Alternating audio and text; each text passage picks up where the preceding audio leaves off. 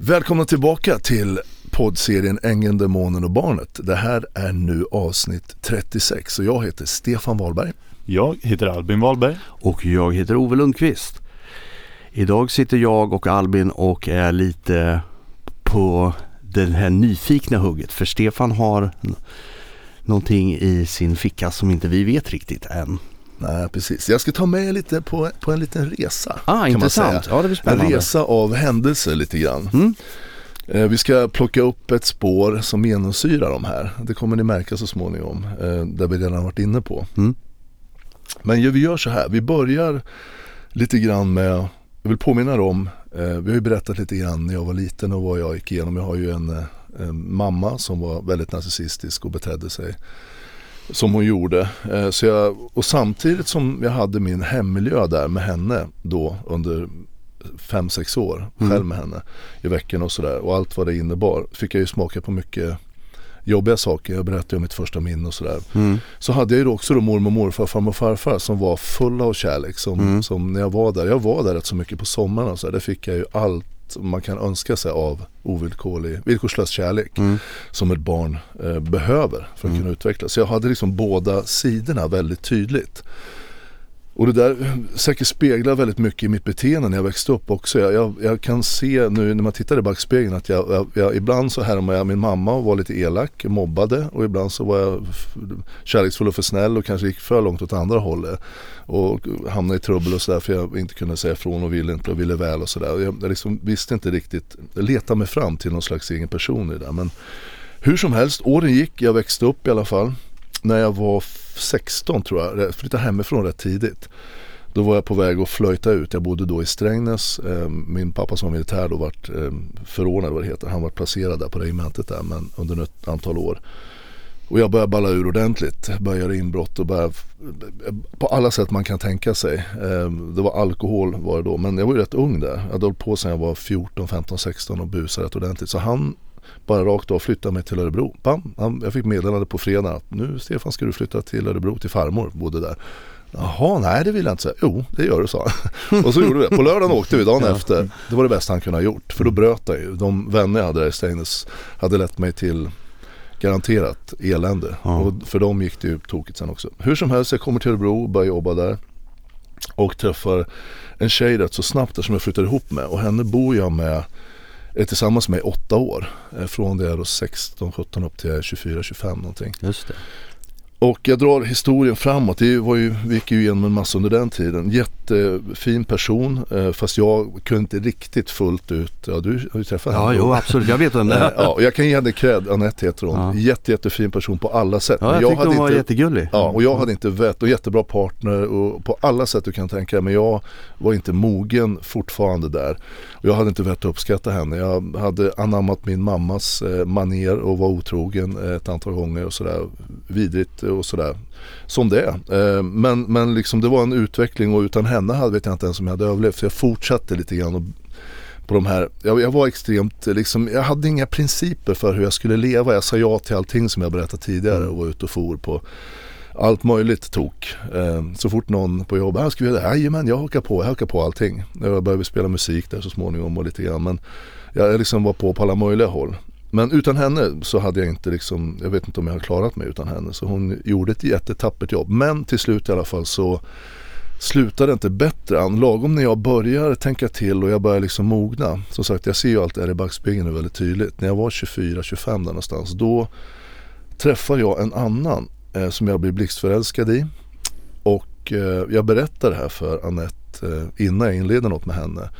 Och jag sa, ja men den här personen, så jag frågade Anette, och vad, vad kommer det bli då? Jag vet inte, så jag. Jag, jag, jag vet faktiskt inte. Men ja, vi ville göra slut då. Så, så på det sättet i alla fall var jag väl just där i alla fall korrekt tycker jag. Men då hade vi också en resa inbokad ner till Kreta. Vi var bjuda jag, Anette och min syster av min mamma som då hade då nyligen skilt sig från eh, min pappa. Och eh, hade blivit utlöst massa pengar och ville kosta på en resa och ville göra det här. Och det var jättemysigt. Mm. Så vi åkte ner till Hersonisos, heter den, på Kreta. Jättemysig stad. Då i alla fall. Det här är ju, vi pratar nu, jag tror det var 89, sommaren 89 tror jag. Vi är där, 14 dagars resa, jätte, jätteskönt och sådär. Men det bar sig inte bättre än att på den här resan så eh, efter bara 5, 6, 7 någonstans en vecka så började Anette få ont i magen. Hon bara liksom, alltså mådde dåligt, alltså inte mer, mer än bara lite grann sådär. Och vi tillkallade en läkare som kom upp på hotellet och ja men det är antagligen något lite tillfälligt, någon matförgiftning så fick medicin och så Och så i, vänta några dagar så kommer det här gå över. Men det gjorde inte det. Mm. Och det gick, började närma sig, när vi skulle åka hem då, så vi varit där en 11-12 dagar någonting. Och plötsligt så bara blir det akut. Jag ser på henne, jag, jag har varit nere på stranden med, vi hade några kompisar som också var där samtidigt. Jag kommer in och Anette kan inte vara med, hon ligger på rummet och försöker liksom, jag kommer in och ser att det här är ju hon hade ont, hon har ont i axlarna och hon är riktigt, riktigt dålig. Så jag sa, vi måste åka in nu direkt. Mm. Så vi åkte in till sjukhuset där på Hesonisos direkt. Jag vet inte om det är någon annan stad tror jag. Så vi åkte några mil med någon eh, grekisk taxi där. Och kommer in och de undersöker henne direkt. De ser på henne att det här är allvarligt. Och direkt blir det, stora larmet går på hela sjukhuset. Sjukhus i Grekland är helt annorlunda än vad det är i Sverige. Ja. Det är liksom, när man kommer in som svensk så tänker man, är det här ett sjukhus? Eller är det ett liksom nedlagt sjukhus? Allt är skitigt, alltså man tycker upplever i alla fall, mm. mot vad vi är vana vid. Men hur som helst, stora larmet går och alla de fem, sex läkare som fanns där då på sjukhuset kommer dit, störtar in. Och jag, jag liksom, allt det här händer väldigt snabbt. Och det jag förstår då det är att hon har fått Eh, jag hoppas du Anette är med på det. Att jag berättar historien som det var. du hade ju, vi var ju gravid då som inte visste och du hade fått utomkvedshavandeskap. Ah. Och det vart akut. Och det, då sätter sig ju ägget, befruktat, befruktat ägg sätter sig utanför ägg äggledaren på något sätt utanför kroppen så att det börjar växa utanför. Och det innebär att det blir blödningar och det trycker på och det börjar blöda och blodet då hade, det hade Anette hade blödit så mycket så blodet hade tryckt upp alla organ mot axlarna för hon hade ont i axlarna. Oh, och blött så mycket så att det var absolut superakut. Och jag har varit utputtad ur, ur liksom salen där hon hade undersökt och alla läkarna rusade in och vi, vi bara tittade på varandra sista gången jag och Anette. Och hon, mm. Jag ser ju hennes förtvivlan och hon har ju ont och vi vet inte vad som händer. Vi fattar inte vad de säger. Nej. De plockar ju grekiska för fulla muggar, försöker stapplande engelska någon där men jag fick inte vara in och jag vart ju, jag menar jag vill ju skydda henne här så jag blir ju arg också och orolig och jätteorolig på ja, allt på en gång. Hur som helst och då sa man det very serious, very serious, you have to liksom, det var väldigt, väldigt allvarligt, det var ett akut. Så jag fick då sätta mig i en sal där det förbereddes en, en, en säng för henne. Och det är liksom en sal, det är ett tomt rum, mm. Eh, det ser ut som en gammal byggnad men en säng står så här som är en gammal säng som man tror är utbytt eller har stått alltså, Det är så det är där. Men, mm. det, ja. Men det funkar väl bra där också men det funkar på ett helt annat sätt än vad vi har här i alla fall här hemma. Så jag sitter där och inser att bara allting ramlar över mig. Det här är ju det här är blixtallvarligt och liksom jag försökte prata med dem då precis i början där och liksom det var, det var akut. Mm. Och sen sätter jag mig där och den här, vid den här tiden då var jag 24-25 någonting om jag fyller 25 på sommaren tror jag det. Men i alla fall då hade jag liksom börjat fundera på det här med gott och ont och livet och jag hade lite religiösa tankar. Och hade väl liksom eh, bara tänkt åt det hållet och det var, det var ett område som intresserade mig väldigt mycket, gott och ont och, mm. och vad det är för någonting. Så jag sätter mig på sängen och ber. Eh, alltså några timmar i rad, hon, jag tror hon opererades i 5-6 timmar eller något sånt där, vad jag vill minnas. Och i stort sett hela tiden satt jag och bad till, mm. till Gud då. Därför att jag liksom, det blir så, eh, man, man känner sig hjälplös och det var det jag liksom ville göra. Och då kommer jag ihåg vid det tillfället att jag sa att om du räddar Anette, då kommer jag liksom tillhöra dig resten av livet. Jag kommer att verka för det goda och jag kommer vara liksom eh, din, om man säger så, mm. när jag pratar, sitter och pratar där med Gud. Om du räddar henne nu, för jag insåg hur allvarligt det var. Jag såg Alltså timmarna efter också hur under operationen hur personalen for ut och in alltså med en frenesi som var, jag förstod att det Det var riktigt allvarligt. allvarligt. Till slut mm. kommer Anette in, då inrullandes med henne och jag förstår att hon har överlevt operationen. Hon är drogad då, nedsövd och har ju då, då har de alltså opererat henne. Eh, och mm. var tvungen att öppna upp magen och gått in en, en avancerad operation. Hon hade fått tror jag fyra eller fem liter blod eller något sådär. Berättar de sen. Och eh, när jag kommer och så, men jag är jätte, jätteglad och lättad att hon är där och de säger att nu, liksom, nu måste vi bara ta det lugnt och hon får liksom så. Sen vaknar hon upp eh, efter ja, någon timme eller så eh, och bara blir klarvaken för en liten stund mm. och berättar att Ja, hej, vet du vad jag drömde? Det första hon säger. Jag drömmer att jag är på en strand och det står en vit, en kvinna på stranden. Jag står i, precis i, i vattenbrynet och uppe står en, en kvinna med vita, helt vit klädd, en vit klänning och säger att du ska komma hit. Och så står det en svartklädd kvinna nere i vattnet och säger nej du ska komma hit. Helt svartklädd och det, det, det är en kamp hela tiden. Och då säger den här vita kvinnan nej nej nej du, inte, du, du ska inte dit än, du ska inte dit nu, du ska inte dit, du ska hit. Och dra mig uppåt hela tiden mot, mot den vita kvinnan. Och, och det, var, det är så starkt Stefan. Och sen bara whoop, så somnar hon igen. Oj. Och sen, sen när hon vaknar upp, ja, någon timme eller två senare, kommer hon inte ihåg det? Nej jag tänkte säga det, det där minns hon inte då va? Precis, och det, var, det här var liksom det första hon säger, en jättestark kamp mellan någonting. Då. Men hur som helst, den här historien berättar jag därför att ett sånt löfte som jag gav då under den, det här blir ju liksom nu när jag berättar om det så blir det lite verkligt. Därför att det var väldigt, väldigt starkt och det var eh, alla känslor du kan tänka dig. Jag var jätteorolig för Anette och sådär. Eh, har man gett ett sånt löfte, då håller man det. Mm. Och sen den, liksom, sen den dagen så har jag alltid, jag nämner det här någon gång ibland när det blir Du har tillfälle. berättat vid några tillfällen Ja, under ja, men min du- du uppväxt i mina tonår Precis. här. Mm. Och det, och det var så starkt och, och jag kommer in på det här liksom vikten av att ta vissa principbeslut i livet. Sen, Mm. sen dess så har jag varit glasklar med att jag ska göra allt vad jag kan för att liksom verka för, för, för gott. Mm. Jag misslyckas många gånger, det vet jag, men det är också om det nu finns en högre makt, vilket vi inte vet, men, men om det nu finns det, vilket jag väljer att tro på, eh, så, så, så, så, är vi utrustade med ett sunt förnuft också och vi vet också att vi, vi är inte perfekta människor. Men det är viktigt att ha mål, målbilden tydlig, vart du vill med ditt liv. Hur som helst. Eh, vi kommer hem i alla fall. Vi fick boka ett nytt flyg och sådär och vi kommer hem och, och sen ja, flyttar vi isär och sådär och vi lever varsitt liv. Och jag jobbar på. Eh, Jag träffade, jag hade ett kort förhållande med den här kvinnan som jag varit eh, väldigt blixtförälskad i då under en kort period. Och sen via henne träffade jag din mamma Albin. Precis. ja, eh, och sen så, och det är jag väldigt, väldigt glad för. För det innebär att du och tjejerna finns, vilket är det finaste jag har. Så är det ju. Och sen så efter det, eller under den tiden som, som ni växte upp så började jag ju, jag jobbade som chaufför där ett tag under den här tiden när, när det här hände som jag berättade om med Anette. Men sen så började jag ju som egen och började som eller först ska jag nämna att direkt när jag kom hem från den här resan från, från eh, Kreta Mm. så hade jag faktiskt anmält mig till en, att läsa teologi. Så jag började direkt att läsa Just det, teologi det kommer jag faktiskt år. Ja. ihåg för vi pratade Vi om det. spelade ja, ju då, Ja, jag vet ja. för du, du pratade om det. Jag trodde du hade blivit helt knäpp. men det, precis. det var, jag men alltså, jag- jag då visste inte så. jag bakgrunden till varför. Nej. För du berättade inte det då. Nej. Och, och, det, Faktiskt. och det här, jag hade de här tankarna och det här vart ju väldigt tydligt och då vart jag ännu mer liksom motiverad och fokuserad på det. Jag läste teologi ett år eh, och kort eh, resumé av den, det året var att jag ifrågasatte väl alla lärare eh, och de var lite trötta på mig och så. Jag tycker att, ja men Ja, jo, ska man förstår. tro på något och, och det, det hände några grejer där. Och, och någon lärare sa till exempel till mig, Stefan, är det här egentligen rätt utbildning för dig? För att många som går där, och jag har stor respekt för det, jättestor. Man vill bli liksom man vill, bli, man vill ha någon, någon berätta för hur tron går till och hur man ska leva och, och man får hjälp och sådär. Jag fråsätter väldigt mycket sådär. Kanske ni har anat ni som har lyssnat på podden också att jag vill gärna stå för det jag gör och sådär och det jag säger. Jag vet vi hade en gång var vi ute på vintern där på, jag hade gått där ett halvår på Lucia och då skulle då skolan gå ut, i, det var i Stockholm där, då skulle man gå ut och ge kaffe och bullar till uteliggare och få dem till kyrkan lite grann sådär. Det var ju liksom, ja skulle de fråga, men kom till kyrkan och man skulle liksom få in. Och jag tyckte att den här tanken var lite för, för liksom för tydlig. Att Det var därför vi var ute och gav bullar och, och kaffe.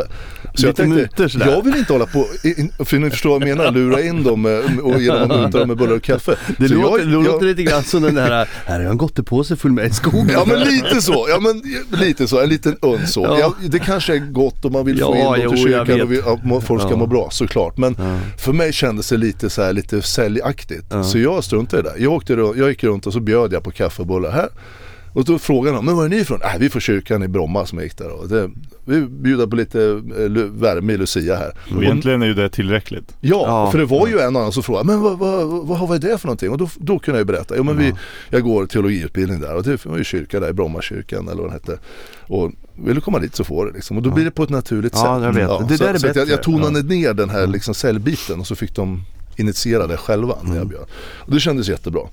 Men, men hur som helst, där tänkte jag ju till kring det här med tron och det här året resulterar i att jag kom väl fram till att det finns inte så många svar överhuvudtaget när det gäller religion och Gud och sådär. Det finns många teorier och det är jätteintressant. Bibeln är jätteintressant och sådär men bland annat när man fick lära sig att som, är man då kristen och tillhör ett samfund så är ju Bibeln då, den får man ju inte ifrågasätta utan det som står i Bibeln det är ju Guds ord. Mm. Och då tänkte jag så här, det jag frågade lärarna, men Bibeln är ju inte skriven av Gud. Jo, men, ja, men det är den ju inte. Utan den är skriven av då profeter och olika personer. Som säger att de är inspirerade och de har liksom fått en någonting från Gud som de ska få ner på papper. Absolut, det kan man ha respekt för. Men det där blir ju lite löst. Är ni med mig? Mm, så absolut. då tänker jag att man måste se Bibeln som en Tänkte jag till exempel bara nu den här teologiperioden här. Att man får se det som en, en bok skriven av några som vill sprida ett gott budskap. Mm, Absolut, mm, ja. det får man utgå ifrån. Men man får vara lite kritisk, sen får man ju anpassa det som står där till den moderna tid vi lever i nu. Mm. För det viktigaste det är ju inte att jag går och, och, läser exakt vad som står i Bibeln. Det står ju allt möjligt hemskt. De dödar ju varandra och eh, det, man säger att Gud är, han är ju fulländad sådär. Han, berätta om några av de frågorna som, som, som brydde mig under den här tiden. Man säger att Gud är fulländad, eh, om det nu finns en Gud, och, vilket jag tror att det gör. Men, och han vet, han, han kan färdas i tid fram och tillbaka. Han ser det som hände igår och imorgon och han, liksom, han vet allting och han gör inga fel och sådär. Men då tänkte jag, men vänta.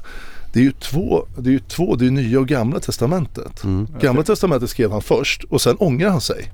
Det står det ju där. Och sen är det ju nya bud som gäller i nya testamentet. Jag tänkte säga det när du sa det att det motsäger sig. Speciellt om man speglar gamla testamentet mot nya ja. testamentet. Då är det ju helt olika håll egentligen i. Ja men det är ju det är en, liksom ett, en I, frågeställning som, som Alltså det, det, här med, det här med Bibeln, mm. det, den, den, skulle man kunna analysera sönder och samman. För om man tittar vetenskapligt också. Så här, jag, har ju, jag, följ, jag är vetenskaplig och, och jag eh, följer mycket arkeologiska händelser och sånt här som sammankopplas också. Finns, finns ju referenser till Bibeln också. Där man då kan eh, härröra händelser ihop med Bibeln och sen, sen har det liksom fått eh, sin egen formulering i Bibeln.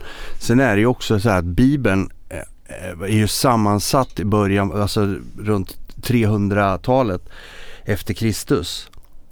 Precis. utav olika skrifter. Det är mycket mm. som är utelämnat och omskrivet för att bara, kyrkan... Bara det är översatt ja, flera gånger. Kyrkan har på vissa sätt använt det som ett maktmedel för att styra människan också och skrämselpropaganda. Framförallt det här med djävulen.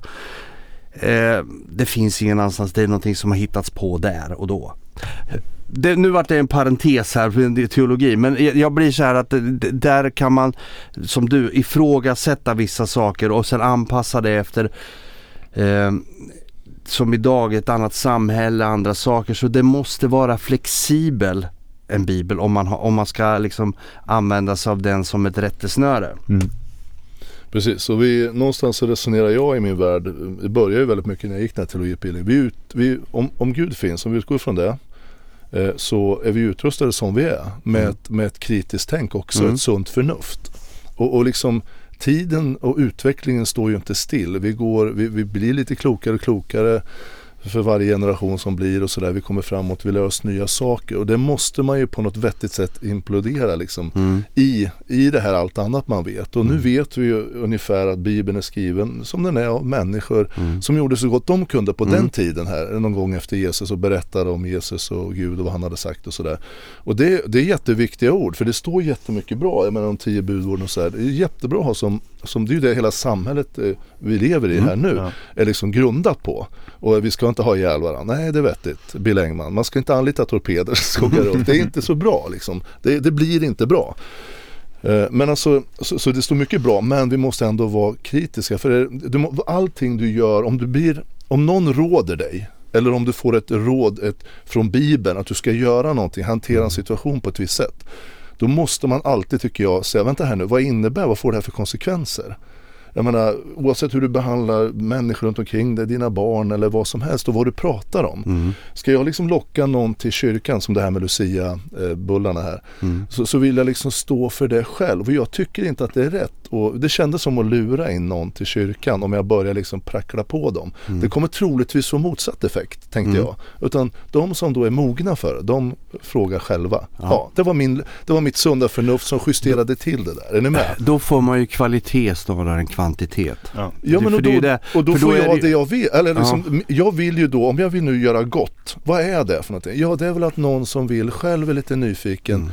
om han vill blir informerad när han frågar, perfekt. Och jag är lite schysst och ger lite kaffe och bullar för hemlösa, de har det inte så jävla lätt. De Nej. har det tufft. Ja, och så vidare. Men man, man, det eh, var massa tankar kring det här i alla fall. Sen så var jag färdig med det. Jag gick tillbaka och jobbade som chaufför i några år eh, på Tvättman som då hette i Örebro. Åkte mm. runt halva, halva Mellansverige och sen så började jag som egen och då började jag ju Den med... bilen kommer man ihåg. Vad sa du? Den bilen kommer man ihåg. ja. eh, den fick gå den eh, ja. runt i Värmland. Att inte jag hört om körkortet det är ju något under. Men, ja. ja. I, i alla fall. Och ändå kom du alltid för sent till oss. ja men alltså, jag, jag, får, jag får lägga in en liten där. Vi hade, jag hade en tur bort till Värmland från Örebro ja. som var 60 mil bort ja. i, förbi Årjäng, Billingsfors och Bengtsfors. Det hör ju alla att man hinner ja, som lastbilschaufför på en åtta timmars dag. åtta timmars dag, varav då eh, ja, nio timmar man ska ha en, en resa, men åtta timmar effektiv arbetsdag. En tur som är 60 mil, jag hade tror jag typ lika många kunder, 60 kunder som jag då åkte och bytte tvätt eller entrémattor och mm. grejer som jag håller på med ett tag. Eh, och, och, liksom, och, så hade jag en C-kortsbil dessutom. Mm. Så man fick köra max då, vad är det, 80 knyck. Men var, var det, det 60 kunder på den turen? Ja, precis. Så det 58 kanske eller vad det var. Jag räknade någon gång. Jag tänkte, för jag sa det, hur, det här går ju inte ihop. För de tyckte att jag hade lite övertid. Ja. ja men jag sa, nu får vi titta på turen. Så du hade 60 mil med 60 stopp? Yes. På 8 timmar? Det är helt sinnessjukt. Ja. ja men det, och det går ju. Men, det nej, men fattar ju vilken galning som helst. Och sen så skulle vi repa och sen så kommer Stefan sist. Och bara andan i halsen. Jag är ledsen att jag är sen. och ändå har då den här stackars Renault Master som jag hade som ja. C-kortsregel. Den, det var som min franska kollega sa, botten i plattan hela tiden. alltså, ja, han vände på det, men jätte, jättebra kille. Ja. Men hur som helst, så, och ändå fast jag hade det hela tiden, den där motorn den byttes ju ut efter 500 000 meter för då var den helt slut. Hur som helst, jag jobbade i alla fall och jag började då 92-93 som egen. Jag har ju alltid varit bilintresserad, jag har ju tävlat motorcykel som jag berättade om, kört novemberkåsor och sådär, mm. enduro. Och har väl mer eller mindre motorolja istället för blod i, i mig. Eh, men eh, jag började då som bilhandlare och eh, nu ska jag dra det framåt lite grann här. Det här är alltså 90, eh, 93, 94 började och sen kom ju ni här på 90-talet, 96, 97 och, och Ebba kom ju eh, min dotter 00 här. Men jag jobbade på som bilhandlare och körde på. Och det jag noterade under den här tiden, eh, för då hade jag liksom blivit egen från att ha varit anställd fram till 93, 92, 93 någonstans där. Eh, det är liksom att jag importerar bilar. Jag tyckte det som jag vill ut i världen. Jag, så jag var nere i Tyskland och köpte bilar ibland. Jag var över till USA mm. regelbundet ett antal gånger per år och köpte bilar. Och det som jag noterade direkt, bland de första bilarna jag importerade så, så bara, man träffar alltid kollegor. När man är i Tyskland, så det var så populärt då på 90-talet att importera bilar därifrån. Då träffar man alltid andra bilimportörer på båten på vägen hem. Man sitter från Tyskland till Danmark och Danmark hem till Sverige. Och det jag noterade att och det jag märkte och det jag pratade med dem hemma här, det fanns massa, många i Örebro som importerade då. Det var mm. att nästan alla, eller för att inte säga alla jag träffade, fibblar ju med mätarna. De ställde tillbaka mätarställningen. Mm. Det fanns ju inget sätt att kolla dem då. Och väldigt snabbt tänkte jag, men vad fan, det här är ju fan inte schysst. Och jag hade ju öppnat bilfirma, jag hade då kontakt med ett finansbolag där de kunde köpa bilar via mig och lägga upp på en finansiering och avbetalning och sådär. Och ja, det kom ju då familjer som hade lånat upp 100 000 på huset, motsvarande några hundratusen nu. Och skulle köpa liksom, unna sig en fin bil. Mm. Och jag kände direkt, vad fan, jag kan inte stå och sälja en bil som jag vet är, liksom är, är tillbakaflyttad. Som egentligen har gått 35 000 mil men den står på 12. Alltså jag, det är bara, jag gör det inte bara. Nej. Så jag tog ett principbeslut väldigt, väldigt snabbt. Det var ett av de principbeslut jag, jag tog där. Jag kommer inte peta någon mätare. Alltså jag gör det bara inte. Nej. Och vill man göra det så får man göra det. Jag lägger inga övriga värderingar i det. Därför att det, det är så världen funkar. så länge sätt. du har liksom ryggen fri? Ja men så den bilen jag, så jag gjorde så att jag åkte ner till Tyskland och letade på bilar nästan alltid hos privatpersoner. För mm. då liksom, hade det varit hos en firma som inte var märkesfirma då var risken väldigt stor att den var fibblad med. Mm. Men jag gjorde det i alla fall, jag åkte runt och hittade vanliga bilar jag fick ett litet minirykte där att liksom ville man köpa en bilhandlare som, som sålde bilar som stämde då var det liksom mig de kunde gå till. Mm. Och, jag, och liksom, det tar ju mycket längre tid att hitta bra bilar som fortfarande lönar sig. Mm. För det som hände inom ett år där, alltså 94-95, det var att det kom in så mycket bluffade bilar. Så att liksom, bilmarknaden justerade sig. Det fanns stora avanser att göra för bilimporten började 94. Så det vräktes ju in bilar från Tyskland. Alltså folk tjänar ju vansinniga pengar. Mm. Och några av dem har ju, är ju stora bilhandlare idag. Så det här har varit grunden till deras stora bilhandlare som finns i området här. Jag säger inte mer än så. Nej. Men jag behöver inte måla ut någon. Utan var och en får göra som de vill. Är ni med? Jag vill inte döma någon. Men men de vräkte hem bilar och tjänade vansinniga pengar medan jag åkte runt och hittade bra bilar för jag tyckte det var kul. I Tyskland och sen pendlade jag mellan USA. Jag tog en tre resor per år till USA. Köpte bil. Där köpte jag minivans, amerikanska minivans. Voyager var ju populärt då, Astrovan ja, som det hette då på den tiden. Och sen köpte jag tyska bilar. Men hur som helst, jag är ju också människa som jag har sagt. Så när vi kommer upp här i 2002 då känner jag, jag, alltså, jag, jag jobbade hårt. Vi jobbade mm. hårt och, och, mamma var hemma mer och vi hade familj att försörja och vi renoverade hus och sådär. Och liksom det var det, bilimporten då vart det liksom, det vart svårare och svårare. Har du då konkurrenter som importerar bilar som, som är fibblade och du själv ska hålla på med ofibblade bilar, ja. då blir det, det blir svårare och svårare. Så här, vid 2002, då har jag hållit på i 8-9 år som bilhandlare. Då tog jag det dåliga beslutet att jag tänkte nej fan jag ska göra det här jag också. Alltså jag såg, jag hade träffat några stycken som hade då gjort, de hade öppnat bilföretag och var goda för ja 20-30 miljoner, alltså stora pengar. De hade kommit upp sig på grund av att de hade kört på den här bilimport-vevan. Mm. Eh, jag tog det här dåliga beslutet och tänkte okej, okay, men då ska jag göra det här, men jag gör det på mitt sätt. Jag köper bilar här som har gått, då, jag, då tittade jag in mig på Voyager ifrån USA till exempel. Som hade gått mellan 12, 11, 12 och 15 000 mil. Men som bara var ett år gamla. För vissa bilar går väldigt långt, mm. företagsbilar och sådär. Men jag ställer dem på 8-9 tänkte jag. Mm. Och nu går jag ut med det här och jag har gjort det och det, som sagt, jag är människa jag också. Men ni ska få höra vad som hände i alla fall. Så jag bestämmer för att köpa en bunt Voyager. Jag köpte två först och ett företag så fick jag kontakt med att köpa fyra till. Så jag köpte sex stycken totalt, ett år gamla bilar. Mm. Som hade gått mellan då 11, 12 och upp till 15. Och för att vara ett år gammal bil så är det rätt så långt. Mm. Så min plan här det är att lite justera dem lite grann sådär. Och, och liksom, är du med? Tar jag in mm. det här med mm. skohorn i min moraliska värld? Eh, inte korrekt, men jag gjorde så i alla fall. Det som händer är att de två första bilarna kommer hem till Göteborg. Jag tar med mig en kompis ner. Och innan här så har jag förberett mig. För jag har aldrig fibblat en bil i Tyskland när jag varit där och så här, men jag har ju sett, i, då var det tidningar, så här, man såg annonser, vad, vad, vad de kallar det, taco tacojustering eller sånt där kallar de det i Tyskland. Det är alltså när man justerar mätare. Då ja. förstår alla att det är när man, när man liksom ställer tillbaka mätare. Och det har alltså inte med tacos att göra utan, Nej. utan eh, milräknare, ett tacometer. taco står det, tacometer taco, okay. ja, ja, Tacometer är varvräknare eller milräknare beroende För det sitter ju på klockor så heter det tachymeter. Okej, okay, ja, det, det var därför jag tänkte, för det mäter ju kilometer. Eller tid och... Ja, men det kanske ja, skitsamma. är besläktat. Men i alla fall det står det annonser och det hade jag ju sett när jag hade letat bilar på annonser förut. Det står ju alla sådana annonstidningar till tack och sådär. Och så nu tänkte jag, jag tar kontakt med någon sån här. Och det gjorde jag innan de här två bilarna kom. Jag ringer honom i Tyskland, ja visst han kan göra det och det. Bra, bra, jag kommer ner med bilarna så fort de kommer till Göteborg. Så, här. så tar vi de två första, okej. Okay. jag och min kompis vi hämtar ut varsin Voyager i Göteborg. Jag eh, är ju då på väg, vi har löst alla avgifter och allting, betalat tull och allting och hämtat ut dem. Och så hade jag grönskyltar då, sådana här bilhandlarskyltar som ja. jag satte på dem eftersom de inte var registrerade. Jag tänkte jag kan åka på dem för de kunde vara lagliga i hela Europa. Så de kunde åka ner till Tyskland. Till Hamburg då, norra Tyskland. Vi sätter oss i bilen i hamnen. Jag åker kanske några, några kilometer. Jag tar upp min telefon som var en sån här Nokia då, sån här knapp-Nokia. Ja. Jag tittar på, jag hade en lapp då med hans telefonnummer. det här händer, jag ligger före eh, han bakom min kompis där. Jag slår numret, papp, papp, papp, papp, papp, papp, till Tyskland. Och precis när jag trycker på grönt, alltså jag ska slå eh, alltså exakt när jag trycker på grönt när jag ska koppla upp samtalet. Ja. Bam! Då stannar bilen. Alltså den driver inte längre bilen. Oj, min, min Voyager bara, ja, den bara slutar driva. Mm. Så växellådan. Och det här är ju, för jag på senare, jag visste lite grann, det är ett känt fel på de här, att växellådan kan gå sönder på Voyager. Aha. Den stannar. Jag jobbar på bilskrot, jag ja. kan intyga. Alla Voyager kommer in med hel låda, lådan är såld innan bilen ens har passerat ja. datan. Precis. Men, men, men här, hur som helst, det här var ju då ett år gamla bilar och det var ju inte liksom självklart att den skulle gå sönder. Nej. Alltså exakt när jag tryckte. Så jag bara okej, okay, jag trycker bort det snabbt. Och bara vad fan är det här? Och vi, stann, vi får boxera in den några hundra meter till Max som låg precis bredvid där. Och den var helt död. Den gick inte liksom att, den gick inte att köra med. Så jag tänkte den får stå här och sen åker vi hem. Och sen så får jag och hämta den dagen efter och sådär. Så farfar och, och min mm. pappa och farfar hjälpte mig. Och han hade sånt körkort med eh, kärra så vi kunde åka ner och hämta den. Men hur som helst på vägen hem till Örebro då, så ringer den här eh, killen i Tyskland som har den här firman. Han säger, ja men det är bara att du tar ut de här eh, liksom digitala i, vad heter det, som räknar milen i databoxen i bilen. Mm. Så, så jag behöver bara den egentligen, jag behöver inte bilen. Okej. Okay.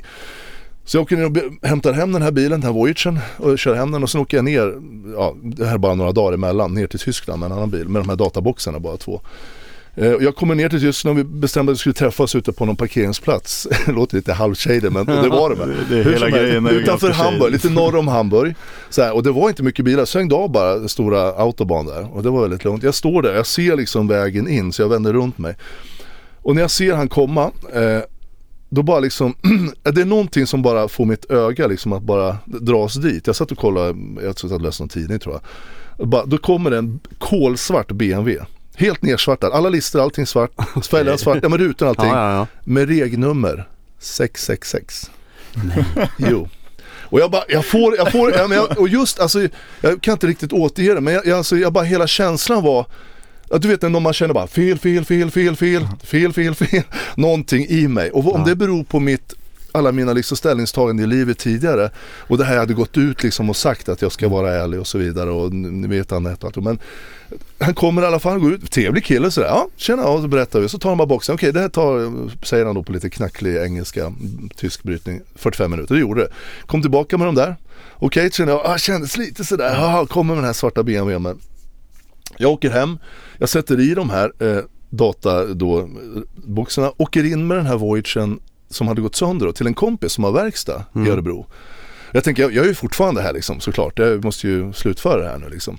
Och då måste jag ju byta lådan. Då skulle han titta på lådan. Och utan att jag vet om det så tänker han, men fan det här är ju bara en ett år gammal bil. Det här kanske är ett garantifall, men det här vet ju inte jag. Så han ringer Orbis, tror jag de hette, som hade Chrysler då i Örebro. Ja. Och de slår upp den och ser ju, och då, för nu var den ju tillbakaställd till, till 8-9 tusen mil eller något sånt där. Den här har ju gått mer, den här har ju gått liksom 12 eller 13. Säger han till mig, ringer upp mig och säger det. Och jag bara, jaha, ja, ja, jo, jo, men jag, jo, men det vet jag, den är, den är bytt och sånt där. Och jag bara känner, nej fan det här, liksom hur mycket ska hända? Först då ja när jag ringer, ja. alltså verkligen, jag kommer dit, jag får de här regnumret i nyllet jag kommer hem och säger jag ska fortfarande göra det här och han ser det, jag är ju helt avslöjad på första bilen. Mm. Och jag känner bara, mm, okej, okay. så satte jag mig och tänkte hur många tecken, hur mycket liksom ska, ska hända? Alltså det här går ju inte. Jag ska Nej. inte hålla på med sånt där. Det här har jag ju gått i bräschen för för fan tidigare. Ja. Jag bestämmer mig då, där och då att det här, det här liksom var mitt enda och första och sista försök att göra och sådär. Jag ska inte hålla på med sånt här. För det här är skit. Det här är mm. inte bra. Jag har ju själv gått ut, är du med? Jag har mm, gått ut och mm. proklamerat, jag vill sova gott om nätterna och så vidare. Så jag tänker att det här, var, det här är bara skit. Så det jag gör med de här två bilarna nu som jag har justerat, det är att säga att, jag tar en liten vit lögn, därför att det, om jag skulle säga att jag har fibblat och hela historien, det blir konstigt. Ja. Så jag säger att det är bytt mätartavlor. De har egentligen gått de här milen, jag säger dem exakt, mm. jag, jag, skriver ett dokument ja. som måste följa med bilen. Så jag säljer dem med så att de, som, de två som köpte dem eh, de vet hur långt, de vet hur långt den har gått. Och det är ett dokument som jag sa, den här måste följa med bilen. Och det, liksom, det var det jag gjorde. Och sen de andra brydde jag mig inte om. Nej. Det här händer i alla fall. Och jag liksom efter den här historien ju... så kände jag bara, okej, okay, nu har jag slippat iväg lite grann och jag har fått mig en liten lavett eller vad du kallar det från, ja, från någon Det kändes så i alla fall. Jag tänker på vad är slumpen för att alla de här sakerna ska hända på en gång? Fast ah. är, ja, är ja. det inte lite så här att alla någon gång förhoppningsvis eller på olika sätt hamnar i en situation när man får göra omvälvande beslut i livet. Jag har ju själv varit med om det ganska nyligen. Vi ska ta det vid ett annat tillfälle. För det var, det var ju en riktig vändning och det jag är inte samma människa efter som jag var före. Nej. Och det, får... det, vet ju du för att du har ja. känt mig så mm. länge så det hände något då. Ja, men alltså, och, och det, här, det här är en sån här grej som man kan vara, vara lite observant på vad som mm. händer. Men hur som helst, historien är inte slut här. Nej det förstår jag.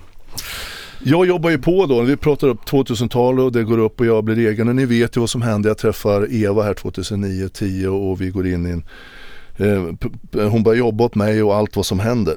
och nu kör vi den här processen som, och allt vad det innebär. Den har ni ju hört mycket, jag har beskrivit liksom processen hur, vad som har hänt i, i, alla, i alla skeden åt alla håll. Liksom. Mm. Det har hänt väldigt mycket.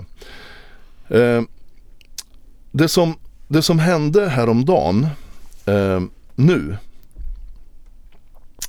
vi pratar ju om, om, om makter någonstans som vi inte kan ta på, vi kan bara ha en uppfattning om det. Ja. Så jag är helt övertygad om att det finns makter. Sen om det är fristående makter som styr oss eller om det är någonting i oss själva som vi bejakar eller eventuellt förhindrar eller sådär. Mm. Det, det kan inte jag säga. Jag har inte en aning och det, finns det så ska vi ju inte veta det heller. Så att vi får ha en uppfattning om Alltså, det. jag vart ju ivägskickad av morsan till diverse kyrkliga sammanhang under min uppväxt och alltid när jag har pratat med dig om det så har du tydligt sagt bara Alltså folk kommer säga det ena, folk kommer säga det andra. Man vet inte, man kan inte veta. Du får komma fram till själv sa du Ja. till mig då. Ja, Vad man tror på. ja. Vad man, var och en, ens tro det är liksom ens eget. Man får definiera det bäst man vill. Men jag har, sa du till mig då när jag var liten här. Jag kommer aldrig förneka att det finns någonting. Eh, och då berättar du bland annat den här historien om eh, Grekland där Mm. och grejer. Och att jag, jag, vet, jag är bekväm i tanken att jag och ingen annan vet säkert vad de här andra makterna är för någonting, om de finns och vad det Men jag kommer aldrig förneka att de finns. Men vad exakt de är, det, det får var och en komma fram till själv. Och så det, det var vad jag fick höra Ja. från dig när jag var liten och det Ja, vad bra, för jag Eh. tycker det är en sund, liksom, Mm. en, en sund in, infallsvinkel på ja. Om du undrar vad jag gör så stressar jag. Okej, Jag förstår, jag trodde Jag trodde du försökte, här. Försökte säga någonting. till mig att jag, du ville komma in där, försökte avsluta lite snabbt här va? Nej. Det här Ja, var då, då får du sitta där och stänga dina armar så Ja, jag fortsätter kommer sitta så här. Ja, Ove sitter med, med handen i luften riktad mot mig här så Ja, jag trodde ja. det var någon som försökte få kontakt. Jag Nej har, men så jag, jag har en fru, så här frusen axel. mm. ja, det, det, det är jobbigt. Vi, Ja, vi det tror på det Ove. Ja, Kämpa på. jag känner Nej men jag, jag fick höra hela min uppväxt här om hur, man vet inte vad, men du sa då att jag är övertygad om att det finns någonting och det kommer jag aldrig förneka. Men ingen kommer kunna säga till mig att det är det här och det är ditten och det är datten och det är en man som vet allting och det, det, det finns någonting. Men eh, vi, det handlar om att sträva efter det goda och se vad som är eh, leva ens liv med någon form av sund moralkompass. Jag kommer inte ihåg exakt orden du sa men det här är det, ja, hur jag har tolkat det och tagit det med mig liksom. Eh, Ja men det, det är väl en bra, och jag sa att var alltid kritisk, se det som något bra. Mm. Att liksom vara Mm. naturligt kritisk till allting. precis. Och så klura ut vad du vill leva för liv själv och gör verkligen det. Mhm. Alltså för det, är- det är viktigt. Mm. Jag ska fortsätta historien så kan Ja, vi ta det. lite summering och, och sådana här tankar efteråt. Jag körde ju på med bilarna och sen så öppnade jag ju som sagt träffa Eva. Nu går historien snabbt, snabbt framåt här lite grann. Eh, och vi inne i den här processen som har varit eh, spännande på massa olika sätt. Om man uttrycker sig så. Eh, jag ehm, så här var det, häromdagen. Nu spelar vi in den här podden lite tidigare, mm. några dagar tidigare. Eh, vi spelar in den veckan innan den sänds, men hur Idag är helst. torsdag den 16. Precis, så det är fortfarande som- bara torsdagen innan den släpps på onsdag Ja. Och i... Jag, så här är det, jag, väntar, jag har väntat lite på lite pengar på mitt konto Mm. eh, några dagar. Och jag, eh, jag, jag brukar aldrig bry mig, alltså, bry mig, det är klart jag bryr mig om vad som finns på kontot. Men du förstår, jag menar så att jag fixerar, jag kollar inte flera gånger om dagen eller ibland går det veckor innan jag kollar liksom. Jag, man Mm. har inte grundkoll, jag liksom har inte haft den tjänsten. Men i måndags tror jag, eller tisdags, alltså två dagar sedan, två eller tre dagar sedan, så eh, tänkte jag väl titta över för att se när de här, den här lilla summan kommer in på kontot bara, så ha lite koll på det. Då installerar jag en sån här tjänst på telefonen där jag kan direkt koppla in på mitt konto. Mm. Snabbsaldo. Ja, snabbsaldo, precis. Det Ja, vet ni vad det är som har Swedbank. Ja, just det. Och då vet ni hur det funkar, man, man drar, skakar telefonen lite grann så kommer det fram, ni som har Swedbank. Eh, I alla fall, när jag har installerat den här tjänsten nu så har jag nu de här sista dagarna kollat några gånger om dagen sådär. Lite bara såhär, jag har, jag bara, det, är så lätt att kolla så man kan Ja. bara kolla lite grann. Det är skönt om de här pengarna kommer in sådär.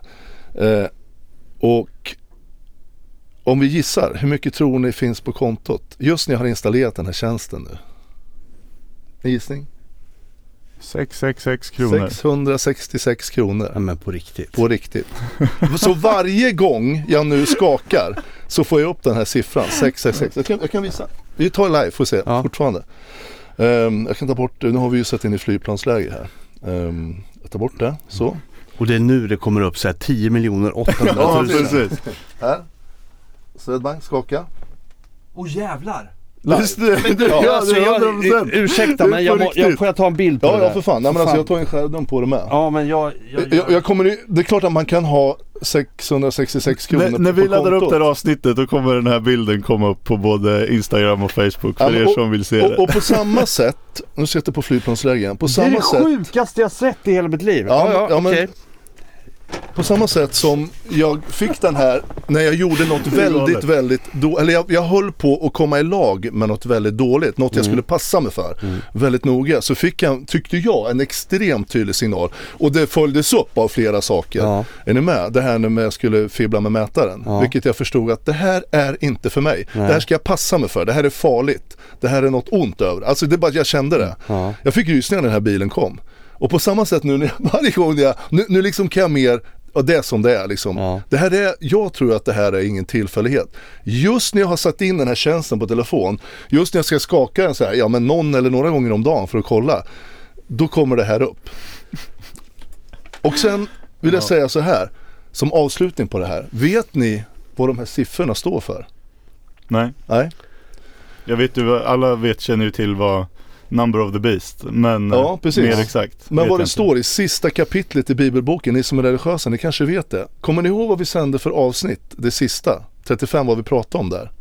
Ja. Mm. Vad pratar vi om där? Vi pratar om eh, de här som styr oss och som ska rätta till, som har makten, politikerna och de som representerar staten. Ja. Vet ni vad det står i sista, eh, i sista eh, ja, kapitlet i Bibeln? Nej. Det står att 666, det, det säger Gud, att det står för det politiska systemet. Hur dåligt det är för alla människor, hur vi ska passa oss för det. Det är exakt det som står där. Ja. Jag vill bara nämna det. Vi, Ja. vi, vi, är ni med? Vi spelade in det här i söndags. Ja. Det här kom i måndags eller tisdags på min telefon. Vi släppte det nu i onsdags här. Eh, och jag, jag ser det här Mm. och vi pratar om det här i podden. Alltså jag vet inte, vissa kommer säkert kalla mig konspiratorisk men gå gärna in och läs får ni se vad de här siffrorna betyder och var det kommer ifrån. Det är precis det här Gud har sagt. Mm. Men Alltså, är, det- är det i syftet att politikerna kommer vilseleda människorna från Gud och från det, från det goda Ja, och precis. hans vilja och de kommer Ja, men alltså, det- sin vilja på det har med folket och de ondska kommer att göra. bort Gud. Ja. och det kommer inte gynna oss väl utan det blir precis tvärtom. Mm. En, en siffra om man läser Bibeln, jag har ju läst Bibeln en del, det är nummer sju, alltså sjuenighet, eller man pratar om sju olika, i sju i olika, det, är liksom, det betyder fulländat, att något är fulländat. Mm. Och den siffran som betyder att något är ofölländat, det är sex. Och när man vill betona någonting i Bibeln, då upprepar man den. När det är riktigt allvarligt. Och det är det som Gud då själv enligt Bibeln har sagt. Att det, alla de politiska system som styr oss, inklusive de som är under, de som är då tillsatta. Ni vet att domaren Anders Domer, han är utsett av, han, av regeringen. Ja. Det är så en Ja, domare ja, ja. blir tillsatt. Och det vi har berättat om processen. Jag säger inte att Anders Domert i sig är ond, det är inte det jag menar nu. Det är ingen personlig vendetta mot sagt Anders honom. Domert är satan. När man lägger ihop de här sakerna så känner jag bara, är det tillfällighet här? Det kanske det är. Jag tror inte att det är det. Eh, därför att liksom, det är så många tillfälligheter här som, som faller in. Och när jag fick det här på telefon då tänkte jag, nu blir det nog läge och, och liksom och över tid lite grann. För att om ni drar tillbaka klockan här så när jag var med Anette nere i, i, på mm. och Kreta, där lovade jag eh, Gud då på något sätt, om det är Gud i mig själv eller Gud fristående som makt, det vet inte jag. Men jag lovade där att jag skulle alltid liksom göra allt vad jag kan för att följa honom och göra gott. Är ni med? Och när man gör det, då, det är inte alltid lätt att hålla den goda linjen. Du kommer bli utsatt för prövningar, står det ju i Bibeln också. Ordentligt. Japp. Och när du dyker på en sån som Bill till exempel. Och jag vill egentligen inte Bill som person illa. Utan han har också ett val, precis som alla andra. Han kan rätta till sig själv, kommer han troligtvis inte att göra. Jag tror inte det finns en chans i universum att han gör det. Men när man dyker på en sån som honom och allt det han har utsatt bara mig för. Eh, eller att jag tillåtit honom att gjort det, hur man än vill, vill säga det. Och det han har gjort mot så många andra. Det vi får in nästan dagligen feedback på. Från människor runt omkring honom. Så kan jag inte låta bli att liksom berätta den här lilla historien. Så det här med att liksom ta ut en kurs och verka för det goda. Alltså jag kan tycka att ibland att jag är hur tuff som helst. Jag tränar kampsport och du vet sådär. Man kan tycka att man har manlighet och sådär hit och dit. Men det är ödmjukheten och respekten och den kärlek du kan visa till dina medmänniskor till, och till dig själv också. Men till, till allt som du har runt omkring dig. Det är den som avgör hur du blir som människa. Och allt det där du gör, alla små handlingar du gör. Eh, Det stoppar du din ryggsäck av liksom livets ryggsäck och det formar den du är. Ja. Det är därför att gör du mycket ont och elakt och är riktigt ond, ja du blir mer och mer åt det hållet. Så det gäller att stoppa i den där livsryggsäcken med goda saker. Mm. Det här var den historien som jag, som jag ville berätta. Och det här, Ja. det här leder ju mig in på några saker. Alltså det här du säger, du säger att vi får hela tiden från folk runt omkring, framförallt Bill, Mm. som hör av sig till oss. Precis innan vi skulle trycka på sändning här så fick vi ett meddelande direkt. Mm. Och så det är beklämmande att få höra vad folk skriver. Ja. Mm. Eh, vi kommer bemöta den personen som hörde av sig och ge den så mycket tillbaka som den kan Mm. få på ett bra sätt. Eh, men så det här leder oss också in på, det här var ju lite intressant det vi pratade om förra veckan, eller förra veckan, det som var igår släpptes den ju. Men det blir ju förra veckan nu när det här sänds, Ja. det här avsnitt 35. Mm. Där vi då pratar om där vi egentligen begraver hela rättssystemet egentligen, mentalt i alla fall. Därför att eh, när vi tittade igenom på hela, ja, det är ju ett skämt alltihopa från början till slut på riktigt. Och där då, och sen dyker det där upp, det var ju lite komiskt faktiskt. Men vad jag vill säga till alla nu det är att vi tog inte riktigt upp allting i det avsnittet utan det finns fler dokument och det finns på både Instagram och Facebook. Och sök då på, det är lättare att läsa det på Facebook, man får upp lite större bilder Det där. tydligare där. Ja det är Mm. tydligare där. Så gå gärna in på Facebook och eh, följ oss gärna där. Så, så får ni, för det här är inte första och sista gången eller Mm. som det kommer ut sådana här Nej. saker. Det är, kommer är ni komma mer. intresserade och tycker om podden så kommer ni få mer matnyttigt som Ja. ni kan ta del av på Facebook. Vi laddar Ja. upp allt som inte är ljudformat där. Ja, precis. Och vad tänkte jag på mer? Ehm, Jag kan lägga in om du vill. Eh, Alltså jag, jag, jag, om man summerar ihop det här, den här historien som jag nu berättar. Det är ju liksom det är, det, är, det är en del av det jag har i min ryggsäck Ja. när jag går in här och nu dyker det här upp och sådär. Men, men alltså jag funderar väldigt mycket för att i vara en, ja, om man nu ska läsa Bibeln, i Nya Testamentet, så står det att man ska vända andra kinden till och sådär och vara förstående mot sånt som, sådana som vill illa. Men jag tror att vi måste justera till det lite grann. Mm. Eh, Därför att de här elaka krafterna eh, och de här, vad det nu är för någonting. Jag säger som sagt inte att alla domare är onda men, men ni förstår vad jag menar. Systemet tillåter ju den här typen av människor att växa fram. Ja. Som Anders Domert som sitter, som jag sa, det här är en person med en väldigt, väldigt tydlig erfarenhet av hur han sitter som en en, en, en, en fjant, men med, med makt, total makt över allting, men har inte möjligheten att sitta på ett respektfullt sätt och på ett bra sätt och sköta den här rättegången. Titta på de, eh, om man ska komplettera den här lite, de här dokumenten vi har lagt ut. En del av dem som han har tagit bort, som visar på saker som jag skulle ju ha behöva visat i rättegången för att vara ännu mer tydlig.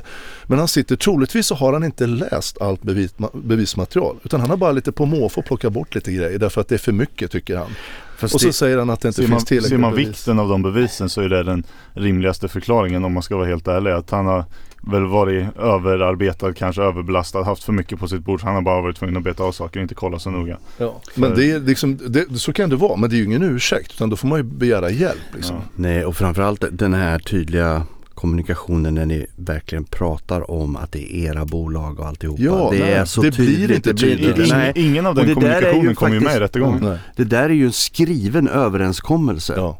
Så det, det, det spelar ingen roll om det är skrivet på ett, ett papper som är gjort av trämassa. Utan det här är ett digitalt papper som Ja. ni har skrivit till varandra. Det är väldigt, väldigt Ja. tydligt. Mm. Så det här är ju eh, borde ha använts i rätten Mm. för att när ni pratar om den här med, med företaget. Mm. Det är ju jättetydligt. Mm. Ja, det, Vilka som äger det och inte. Och sen vill jag lägga fram också så ni förstår varför det är med mycket från de här anmälningarna som i princip alla är nedlagda tror jag. Ja precis, alla är nedlagda. Men det går ju att få ut material. Är du, förekommer det några anmälningar någonstans hos polisen, du kan få ut allt material där Mm. ditt namn är nämnt överhuvudtaget. Tänk på det om du vill få veta vad det är som är inlämnat och nedlagt. Det är inte säkert att du får reda på att du är anmäld, kanske anmäld flera gånger men det är nedlagt och du får aldrig reda på det. Nej. Men du kan begära ut allting som har med dig att göra. Det är bara att ringa och så får du allting. Men som sagt, det vill jag göra därför att påvisa på den mastodont-smutskastning som också har liksom involverats i den här processen. Och just den här saken när Eva får i rätten sitta säga att jag har eh, kontrollerat henne och hennes med och allting och jag har varit eh, olämplig på alla möjliga sätt. Det tillåter Anders Domert. Hur fan kan du göra det? När jag inte ens får försvara mig Nej. från sådana grova anklagelser. Jag anser att du har begått tjänstefel. Jag tycker att det är så dåligt utfört arbete som domare så det är bedrövligt. Skulle någon kika på det här så skulle de nog ha en hel del åsikter om det tror jag. Mm. Hur kan man ta bort allt det här? Ja, jag vet inte som jag var inne på tidigare. Har han några dolda skäl som inte vi vet om? Men hur som helst, läs dem gärna med till. Gå in på Ja, det Facebook. jag ni sagt. ska det, göra, det är det- enklast att läsa Ja. det där. Och vi har ändå inte tagit med allt därför att det, det finns Nej det finns så mycket. Det är redan väldigt mycket och Ja. eh, om man inte är engagerad så, så kommer det se väldigt rörigt ut. Det är inget som är eh, för som sagt, det är svårt att arrangera upp på något mer organiserat sätt i, på det, liksom i det här forumet som är Facebook och Instagram. Utan vi, vi har laddat upp bilderna och det är mycket text och det är inte så, så glammigt så att säga. Mm. Så det är inte influencer content utan eh, det, Det är komplement till det vi säger här Ja, i podden. precis. faktiskt.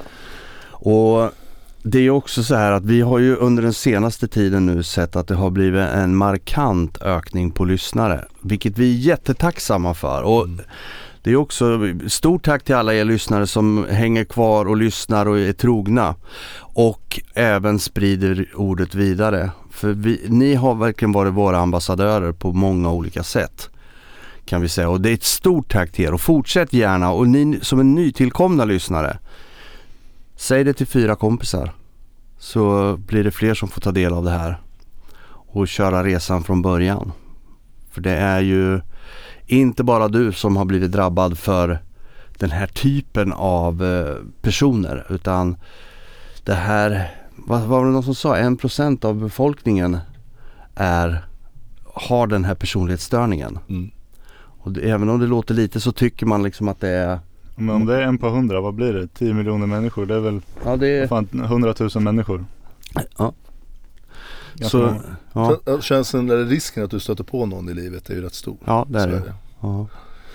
Ja, nej, men jag kan avsluta lite grann med om ni inte har mer grabbar att säga Nej. det, att jag, jag har funderat och jag vill liksom lägga in det så ofta jag kan utan att tjata om det men trots det som har hänt eh, och det är så pass grovt och det är så allvarligt det som har hänt så, så fun- har jag funderat länge på hur ärlig jag ska vara liksom mot de personer för vi har ju namngett vissa personer och det är klart att det får effekter troligtvis i deras liv men det är ju bara i saker som har hänt och det finns anledning till det. Om man är så pass eh, om man är så pass så att man vill göra de saker som Bill Engman och Eva Stark har gjort, ja men då får man väl liksom, då får man, då får man ta att det kan läggas fram fakta kring det de påstår. Mm. Speciellt som de har ljugit och jag kan visa att de har ljugit, då får man ta det. Jag tänker det. Eh, Som sagt, Vi, ni, vi har ju sagt det från bör- början, eh, internt i alla fall. Vi kanske inte har pratat så tydligt om det på inspelnat. Men att syftet med den här podden har aldrig varit att smutskasta någon specifik person eller missgynna någon. Det här har ju varit att berätta din historia Stefan, som du har varit med om. Saker som har hänt och eh, vi, funder- vi pratade i början innan vi släppte första avsnitten om huruvida namn och hit och dit. Men vi kom fram till att trovärdigheten för det här, det här är inget, ingenting här är påhittat, inget är lögner, inget är saker vi säger för att någon ska missunnas och fy fan för den. Utan vi, namnen som nämns här nämns enbart för trovärdighetens skull. För att det här inte ska bara, ja men och en person där, person ett och person. Vi, vi valde att det här är saker som har hänt, folk har gjort saker Mm. och eh, att vi, vi har valt att inte undanhålla vilka som har varit inblandade i historien. Så det är inte med inget syfte att smutskasta dem. Och det är ju en av anledningarna också att vi har tillhandahållit ljudinspelningar som är alltså då bevismaterial för att saker inte alls stämmer som de här polisanmälningarna till exempel. Eh, vi har lagt ut eh, dokument där det är då mm, både anmälningar och rättegångshandlingar. Alla de här dokumenten och det ser man ju också då på deras sida vad som är lögner och sen så framkommer det andra saker som är sant. Där personen i fråga som har ljugit i ett annat, eh, när det var hunky-dory allting var bra. Då, då var det ju liksom inga konstigheter. Man hör och ser att det är efterhandskonstruktioner. Och det är så många som har tagit del av det här inom den här sfären av jurister och advokater och alltihopa. De tror ju på de här personerna. Men det är ju därför din sanning måste komma fram också. Ja, nej, men det, och sen finns det ju, de har dykt på i den här processen så många liksom, det har fått liksom sidovägar det här när advokatfirman som Lindahls är inblandad via Karin Levinska och beter sig så förbannat olämpligt. Till och med ljuger om det här vi har sagt nu några Ja, gånger, det här med tonåring som eh, man har sex med en tonåring och så vidare som inte stämmer. Det är ju rena faktafel. Liksom hur, och en domare bryr sig inte om det utan det ligger då till grunden för någon slags bedömning av trovärdigheten av mig och, och vad som har hänt i processen. Och jag får inte gå in och försvara mig och säga att nej titta här, eh, de här vi har hur många kärleks, ja, slash intim sms-kommunikation som helst. Det här är ju några av dem bara. Där, där man med all tydlighet ser, ja det Eva säger, hon anmälde mig vid något tillfälle här, det, det tror jag vi har lagt kopia på. Ja, Att hon har blivit utsatt för en rad våldtäkter mellan 2010 och 2017.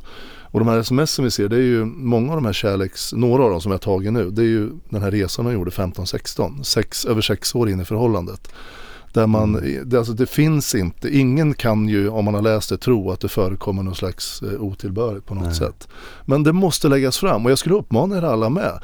Alltså felaktigheter i samhället, alltså våga, tänk efter en bra stund och våga liksom göra någonting åt det. För då har du gjort någonting för att det här dåliga inte ska få fortsätta. Mm. Därför att, eh, som vi nämnde om det här med siffran och vad Gud nämner i Bibeln och sådär med poli- eh, hela systemet vi har. Och det finns ju brister som man blir mörkrädd. Alltså gör verkligen det. Nu ska vi inte upprepa det som har hänt i rättegången men, men som sagt ni och vet. det, det är väl kanske det man ska ta med sig av det också. Att det, det är inte medvetet onda människor ofta. Det kan det vara också ibland. Men ofta så är det bara Det brister. Det, det, Mm. Vi har inte som människor Vi människor är bristfälliga och vi har inte kommit fram till ett bättre system Än det vi har framför oss. Och Det finns brister och hål där folk slinker ner. Utan att egentligen på något sätt förtjäna. Det är som vanligt i livet. Det är lätt att göra fel men Ja. ibland är det tufft att göra det Mm. rätta och stå upp för det och, och liksom disciplinera sig själv. Men vi behöver göra det för, för allas våran skull och för våra barns skull som ska leva vidare i samhället och sådär. Precis. Så är det. Ska vi runda av? För vi håller på snart en timme. Det gör vi grabbar. Ja, Det låter vettigt. Alla ni som lyssnar, var rädda om er så hörs vi om en vecka igen. det gör vi. Ja. Vi hörs. Hej. Hej då!